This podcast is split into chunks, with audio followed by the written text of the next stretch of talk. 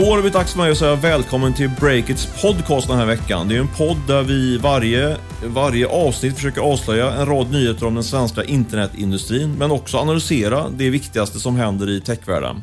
Jag sitter här på Breakits redaktion eh, tillsammans med Olle Aronsson som är medgrundare tillsammans med mig av nyhetssajten Breakit. Olle, allt väl hoppas jag? Ja, det känns mysigt att sitta här i solen och spela in podd på vårt kontor här i Stockholm. Och vi har också ett litet mysigt buller från någon typ av byggnadsarbete här med oss. Stockholm växer hela tiden. Verkligen. Expansiv region. Så är det. I det här avsnittet avslöjar vi bland annat hur du kan komma över Spotify-aktier till rejäl rabatt som investerare. Vi ska prata om börsraset och om Googles knep för att bli nyhetstjänst, bland mycket annat.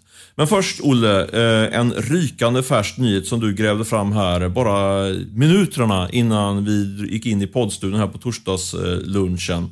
Eh, berätta, det handlar om eh, magasintjänsten Readly. Ja, och det tarvar nästan en liten tillbakablick på vad vi har rapporterat om Readly tidigare i år. Readly, det är ju en svensk tjänst som vill bli en sorts Spotify för tidningar. Och det har varit rätt stormigt där, minst sagt, under året. En av de större ägarna har krävt att hela ledningen ska avgå. Stefan Olsson, en tidigare hög chef på Readly, har stämt sin forna arbetsgivare efter att han fick sparken. och Nu vill han ha ekonomisk kompensation. Flera andra chefer har slutat. Bolaget har försökt få in 100 miljoner i riskkapital, vilket har gått lite eh, sisådär.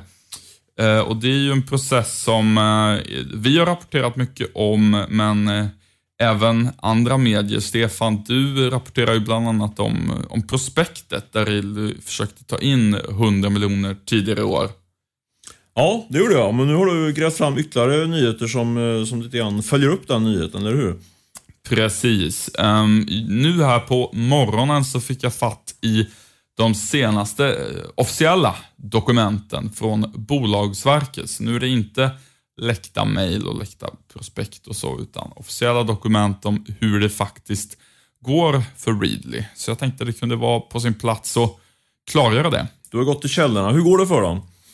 Ja, det går väl eh, lite sisådär. Det är väl som för många startups eh, att de går med förlust, men i Readlys fall så är det ganska stor förlust. 50 miljoner 2014. Oj, det är mycket pengar. Det är mycket pengar, det får man säga.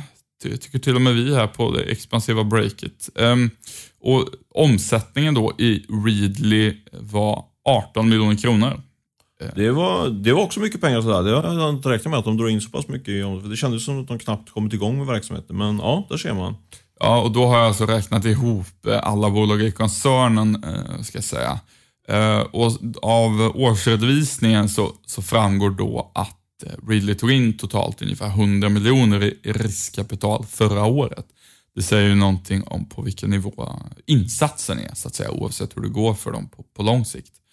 Uh, och det nya då, som det inte har rapporterats om tidigare, det är att den senaste nyemissionen, där tog Readly in 20 miljoner i riskkapital. Uh, det skrevs mycket om den, om hur de försökte ta in mer och sådär, men 20 miljoner blev det i juni till Suck Capital, som tidigare har varit inne nu bestämde de sig för att skjuta in mer pengar.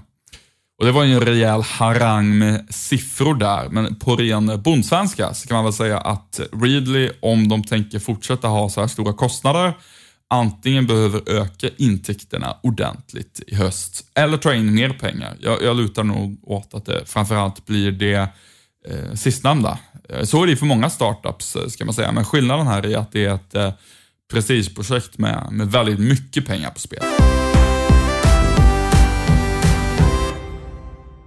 Vi sponsras denna vecka av Workaround, ett företag som man skulle kunna beskriva som en eh, slags Airbnb för arbetsplatser. Eh, men Olle, kan inte du berätta lite närmare vad deras tjänst innebär? Det kan jag. Eh, Workaround, de har då som affärsidé att koppla ihop alla som söker efter en tillfällig lokal, typ en tillfällig kontorslokal, med sådana som vill hyra ut plats under en tidsbegränsad period. Eh, det kan handla om företag som snabbt vill ha tillgång till en lite annorlunda konferenslokal till exempel. Eller en frilansare som vill ha ett mötesrum eh, centralt i, i Stockholm under en kortare period. Och det var precis vad vi hade behov av. Inte, en, eh, inte ett mötesrum utan ett, en konferenslokal. Vi ska ju konferens här i slutet av nästa vecka. Eh, men nu har vi löst det problemet med hjälp av workaround. Eh, vi ska faktiskt sitta i eh, Modgallerians eh, konferenslokal som inte är vilken konferenslokal som helst utan det är en holk. Det ska bli riktigt spännande, eller hur Olle? Vad är det för något? Jo, det är eh, två små hus som är utformade som eh, fågelholkar och som är placerade på taket på Modgallerian i hjärtat av Stockholm. Det ska bli intressant att, att nyttja vår eh, sponsors eh, tjänster. Precis, nu har vi flera anledningar att se fram emot vår konferens. Eh, vi tackar Workaround och Modgallerian för att de sponsrar vår podd den här veckan. Stefan, du träffade ju en riktig eh, tungviktare i vår bransch i veckan. Du träffade Per Roman. Jag tror man ska uttala hans efternamn så, även om vi har sagt gjort oss skyldiga till att säga Per Roman i ganska många tidigare poddar. Eh, eh, vi kallar ju honom för techbolagens favoritbankir. Eh, det gillade säkert Per, men det stämmer också, så att det var ingen, inget insmickrande med det egentligen. Eller vad säger du Stefan, hade vi täckning för den rubriken? Det måste jag verkligen säga att vi hade. Eh, han Per Roman har ju varit inne, Roman ska jag säga, Per Roman har jag sagt i flera år här nu. Han har ju varit inne i en massa tunga affärer eh, under en ganska lång tid. Eh, bland annat hjälpte han ju Blocket-kopian Avito att göra en jätteemission här för några år sedan. Men han har också varit med i flera stora affärer bara de sista månaderna. Så han skulle jag säga, dels är han en tung, tung bankir men också är han lite grann av en favoritbankir med, av så mått att jag har faktiskt pratat med flera duktiga entreprenörer som, som gillar honom som person. Eh, det skadar väl inte att han själv har ett eh, genuint teknikintresse och eh, själv faktiskt var lite något av en hacker innan han valde eh, att slå in på den här mer finansiella banan och in på handels och så vidare. Eh, lite håsande av Per Roman, men ändå. Eh, rätt efternamn där, det sätter sig det där tror jag. Du, men vinkeln håller då techbolagens favoritbankir, men sa han något eh, intressant av substans i själva intervjun? Ja, det tycker jag. jag. Vi har ju publicerat en artikel som har fått mycket läsning på vår sajt, men jag fick inte med allt. Jag tänkte exklusivt för poddläs, poddlyssnarna här eh, plocka upp lite annat eh, intressant eh, som Per sa i den intervjun. Dels pekar han ut de två hetaste sektorerna nu i techvärlden som han såg utifrån ett eh, investerarfinansiellt eh, perspektiv. Eh, den ena, den ena sektorn som han pekar ut var företagstjänster. Lite återkoppling till den artikeln du skrev här nu för någon vecka sedan om Sveriges tråkigaste startup, Bannerflow. Alltså lite så här osexiga tjänster som vänder sig till företag. Det tror han stenhårt på. Eh, man, som använder sig då till exempel utav eh, big data som det heter och, och eh, molntjänster för att skapa olika lösningar för, för företagsvärlden. Det var det han pekar ut. Det andra som han pekar ut i heta sektorer var IT-säkerhet. Det är ju någonting som påverkar oss alla. Allt från, från stora nationer till nu de som eh, till äventyrs har använt sig av den här otrohetssajten eh, som har varit... Ashley Madison. Just det, precis. Den blev hack, hackad nu bara för ett par veckor sedan. Jag blev hackad för lite längre sedan och sen gick de ut med ett hot om att de eventuellt skulle eh, läcka uppgifterna på den och då eh, var det en del som sa att de fejkar bara, men nu för bara några veckor sedan så, så eh, synades bluffen, eller vad man säger, eller tvärtom. De visade att det inte var en bluff och eh, släppte uppgifterna helt enkelt. Ganska dramatiskt. Får man säga. Men eh, köpråd från, eh, från eh, vår, eller techbolagets favoritbankir är alltså gå in, eh, gå långt i företagstjänster och IT-säkerhet. IT-säkerhet, det var eh, kontentan. Har du någon annan godbit från intervjun som du har sparat till poddlyssnarna? Ja, eh, Per hade också en del, eh, som jag tyckte, bra råd till entreprenörer. Framförallt entreprenörer som är på väg att plocka in eh, kapital. Eh, det kan man själv känna igen sig lite grann när vi gjorde vår kap- kapitalrunda, det var det kapitalresning. Det var det mycket fokus på, i alla fall från min sida, att få hö så hög värdering på, på vår lilla startup som möjligt. Men eh, det, Det lyckades du utmärkt med. Ja, hyggligt i alla fall. Hyggligt får man säga. Eh, men Per menar att man, man ska tänka lite fel där om man bara fokuserar på värdering. Man måste också tänka på volym minst lika mycket. Alltså hur mycket pengar man tar in. Så man tar in för lite pengar till en hög värdering. För då måste man ju ganska snart liksom stå där med, med mössan i hand och, och plocka in kapital igen. Och det kan vara nog så svårt. Så det var, Och jobbigt att hålla på nya dokument och nya jurister och ny sådana vända. Det tar ju tid från verksamheten också. Ja, men precis så är det. Så det där var nog ett råd att ta fasta på. Ytterligare ett råd som, eh, som Per Roman eh, gav till de som var där och lyssnade, förutom jag, Eh, var att eh, man ska passa på att träffa investerare som egentligen inte är, eh, liksom, som är för stora för en själv i det läget som man är just då, bara för att man ska underhålla den relationen. Eh, för att när man väl eh, lite senare ska göra en liten större runda har en upparbetad relation. För då, då kanske det är för sent att komma första gången och ta de där kontakterna. Så det var ytterligare ett, ett råd från techbolagens favoritbankir som jag titulerat honom. Det, en sak som slog mig där är ju att när Proman eh, liksom tipsar om företagstjänster som ett nytt eh, hett tema, då gör han det lite grann från sitt perspektiv om att han, han har hand om många riskkapitalanskaffningar. Eh, men en grej som kan bli lite mer av, och inte en trend, så i varje fall en vanligare företeelse, det är ju att man inte tar in så mycket riskkapital. Du nämnde Bannerflow där, de har ju aldrig tagit in några pengar.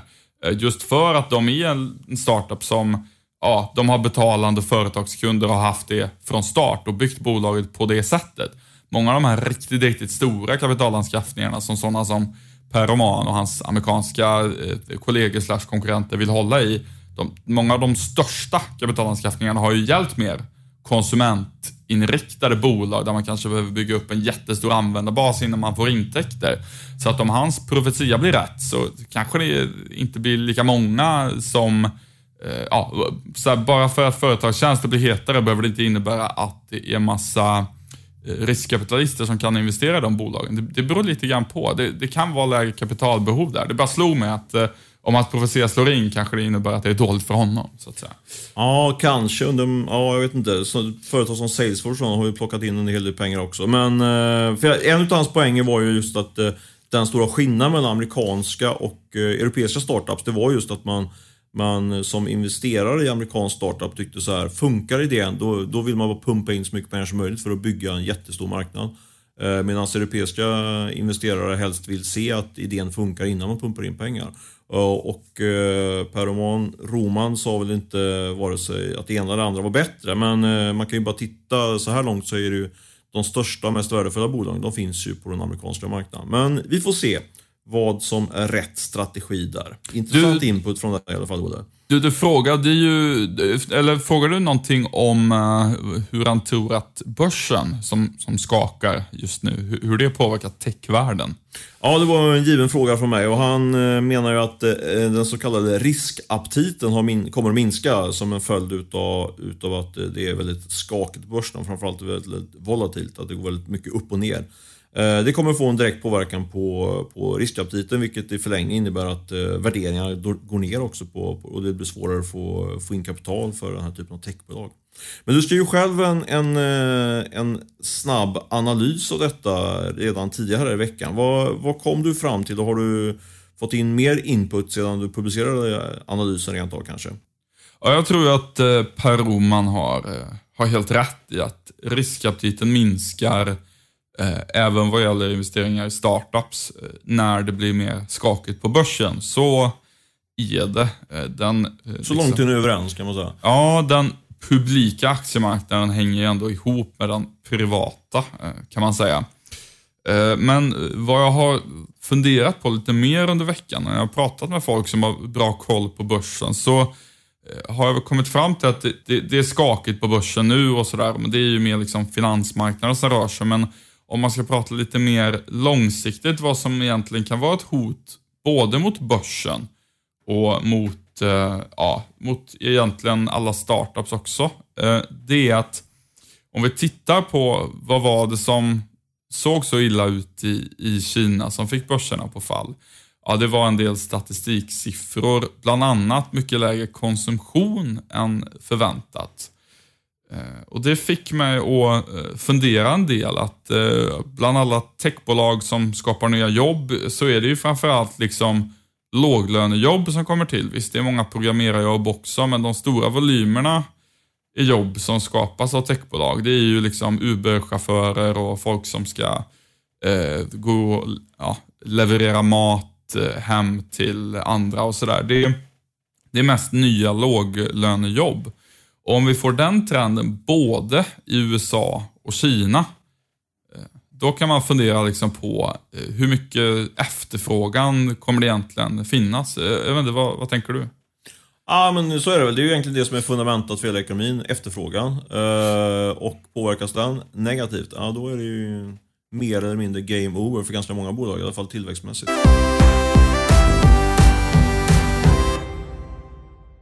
Vi är glada att ha med oss Miss Hosting som sponsor även denna vecka. De har ju varit med oss och stöttat oberoende journalistik om eh, startups och techbolag eh, ända sedan vi startade Breakit i mars. Miss Hosting det är ju en sorts eh, allround serviceföretag för bolag som driver en sajt.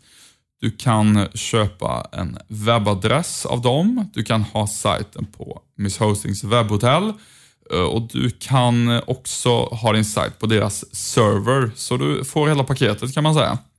Och om du är på väg att starta ett nytt företag eller en ny sajt till ett bolag som du redan har för den delen, så kan du gå in på misshosting.se och registrera den där.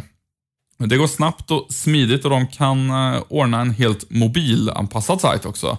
Vilket är nödvändigt om man vill ha bra söktrafik trafik eh, i mobilen eh, från Google nu för tiden. Och det vill man förstås.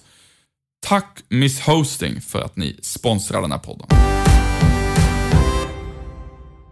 Stefan, du har ju fått nys om eh, hur man kan köpa Spotify-aktier till reapris. Ja, det stämmer. Eller kanske mer korrekt, eh, till rabatterat pris. Eh, men det är ju samma sak, rea och rabatt. Men alltså, min poäng är att, eh, att eh, man får ju en rabatt av en orsak, så att säga. Eh, för det är så att man kan, eh, det pågår en ganska så omfattande handel faktiskt utav Spotify-aktier där framförallt gamla anställda och tidigare anställda på Spotify eh, vill bli av med sina aktier och få, få, få cash istället. Eh, och det där har skapat en, en ganska stor andrahandsmarknad. Och eh, om man ger sig in i den som köpare så får man då en, en, en, rabatt jämfört med den värderingen som var senast här nu när Spotify tog in pengarna. Orsaken är att det, det man handlar med är så kallade stamaktier. Eh, och de skiljer sig till, från preferensaktier. Preferensaktier som har getts ut i de senaste nyemissionerna ger eh, de som äger aktierna en, en företräde, företräde vid eh, en likvidation eller försäljning eller en utdelning. Så de är liksom, eh, ja, de är värda mer på, av, en, av en orsak, preferensaktierna. Men det, det spännande är ändå att man då liksom bakvägen kan komma in som, som ägare faktiskt i, i, i alla fall Sveriges hetaste techbolag. Ja, eh, intressant där. Gråhandeln som pågår i Spotify. Du, hur gör man rent praktiskt för att delta i den? Ja, det kan gå till på flera olika sätt. Men eh, som jag har förstått det så är investmentbanken JP Bullhound eh, kanske den största aktören på den här, eh, den här marknaden med att mäkla ihop affärerna mellan köpare och säljare.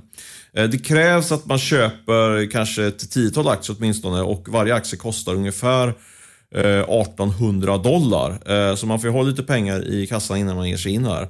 Eh, och avgiften för det här, eller courtaget som det heter på börssvenska, är någonstans mellan 2,5 och 5 procent. Men det går alltså, säg att man har så här runt 100 000 liggande. Då, då kan man ringa och, och, och köpa det. Ja, jag ska väl inte agera. De är ju inte sponsorer, JP Bullan här. Men, eh, och jag har inte pratat med dem eh, direkt så här, utan det här är ju källor på, på stan som brukar ha bra koll faktiskt på, på finansiella transaktioner. Men i princip är det väl så att, eh, att man kan slå en snoll till JP Bullhound eller man kan ju också prova, skulle jag tänka mig, på några av de andra stora investmentbankerna i Stockholm och fråga runt så kan man kan man eh, förr eller senare säkert få möjligheten att köpa in sig. Men eh, intressant är ändå marknadspriset nu ligger på, på som sagt 20-25, kanske upp på 30 procent under eh, det priset som, eh, som eh, de senaste stora investerarna betalade när de kom in här före sommaren. Ytterligare en effekt av det här med att stora techbolag eh, väntar allt längre med att gå till börsen. Då, då får man ju den här situationen att man får liksom en gråhandel istället med inom citattecken begagnade aktier. Precis så är det. Och det, det finns det förekommer sån här grohandel med andra stora svenska techbolag också. Klarna till exempel vet jag eh, är det en del handel. Det finns ganska många ägare i det, i det bolaget. Eh, spännande tycker jag. Eh, dock har jag inga pengar att investera. Det skulle jag inte gjort heller av, av journalistetiska skäl. Eh, slutligen Olle, innan vi rundar av. Du har något intressant att berätta om Google och Twitter. De här stora amerikanska jättarna. Vad är det för något? Jo, eh, jag har en liten eh, spaning där som jag har stulit från ett, eh, ett läsarmail, kan vi säga. Eh, Christian Rudolf som är eh, sån här sökmotorkonsult, han, han mejlade oss och eh, skrev att eh, nu för tiden så sedan Google började göra det mycket lättare att hitta tweets via, ja, via sökmotorn helt enkelt. Att man kan komma eh, till eh, ja, allt möjligt som har skrivits på Twitter genom att söka där. Det har man inte riktigt kunnat tidigare. Så öppnas eh, en helt ny möjlighet för Google att bli distributör av nyheter. Eh, och jag läste in mig lite grann på det där efter hans utmärkta tips om det. Och Det är faktiskt väldigt intressant tycker jag. Eh, för lite förenklat har det ju varit så tidigare att eh, Twitter, det har ju liksom varit eh, utmärkt om man vill veta vad som händer nu, nu, nu. Folk liksom live-rapporterar och det blir väldigt effektfullt. Eh, och Google har varit väldigt bra om man vill hitta sånt som hände i förra veckan eller för ett år sedan. Söka efter gamla artiklar. Men när Google dessutom börjar länka till tweets så innebär ju det helt nya möjligheter eh, för Google att bli liksom en fullservicebyrå för den som vill hitta nyheter. Det blir ju en helt mycket, mycket bättre effekt på Google News till exempel. Om de länkar till alla tweets. Om man då söker på någonting som händer nu och du får upp länkar till, till alla tweets så Google kan känna av liksom vad twittrar folk mycket om för nyhetshändelser just nu. Kommer det kunna bli en helt annan effekt i det och det innebär liksom men, lite... men, man måste veta att nyheten har hänt då, för man kan inte googla eh, Spotify så får man den senaste och hetaste nyheten om Spotify. Nej, men det, så, det kan du göra, men du kan, det kan ju också vara så att Google slår in, och det är väl det jag tänkte komma till, slår in på en ny väg där de blir en annan sorts eh, nyhetsdistributör. Alltså att eh, de skulle kunna tänkas lägga till en ny funktion eller lansera en en ny typ av nyhetsapp som är mycket mer liksom uppdaterad. Alltså att eh, till exempel, jag vet inte, du kan se det själv på eh, Google startsidan, vad vet jag. Min poäng är att eh, vi ser ju nu hur både Facebook och Apple försöker ta positionen som, liksom, ja, Apple lanserar Apple News, Facebook kör Instant Articles och vill bli liksom den du går till, den enda appen för, för nyhetsdistribution kan man säga. Och där tror jag att man har underskattat lite grann Googles möjlighet att genom att länka till tweets och bli bättre på realtidsrapportering helt enkelt, så, eh, så tror jag det finns, det finns en väldigt stor kraft i det helt enkelt. Och det ligger lite grann mer i eh, eh, det här nya väntade användarbeteendet, alltså att man kanske, det kan sluta med att man går upp på morgonen och frågar sin Google Now-app, liksom, uh, what's the latest news, typ. Och så tar de reda på det och erbjuder länkar till det om man vill läsa eh, vidare. Det kanske är det beteendet vi får till slut som liksom ersätter morgontidningen snarare än, än Apple News. Vi får se, vi ska aldrig underskatta Google. Det börjar bli dags att runda av. Eh, vi tackar för att ni har lyssnat på vår podd. Eh, vi ska också säga att Bepp och ljudproduktion har hjälpt oss även denna gången och att sponsorerna av Breakers podcast den här veckan är Workaround och Miss Hosting.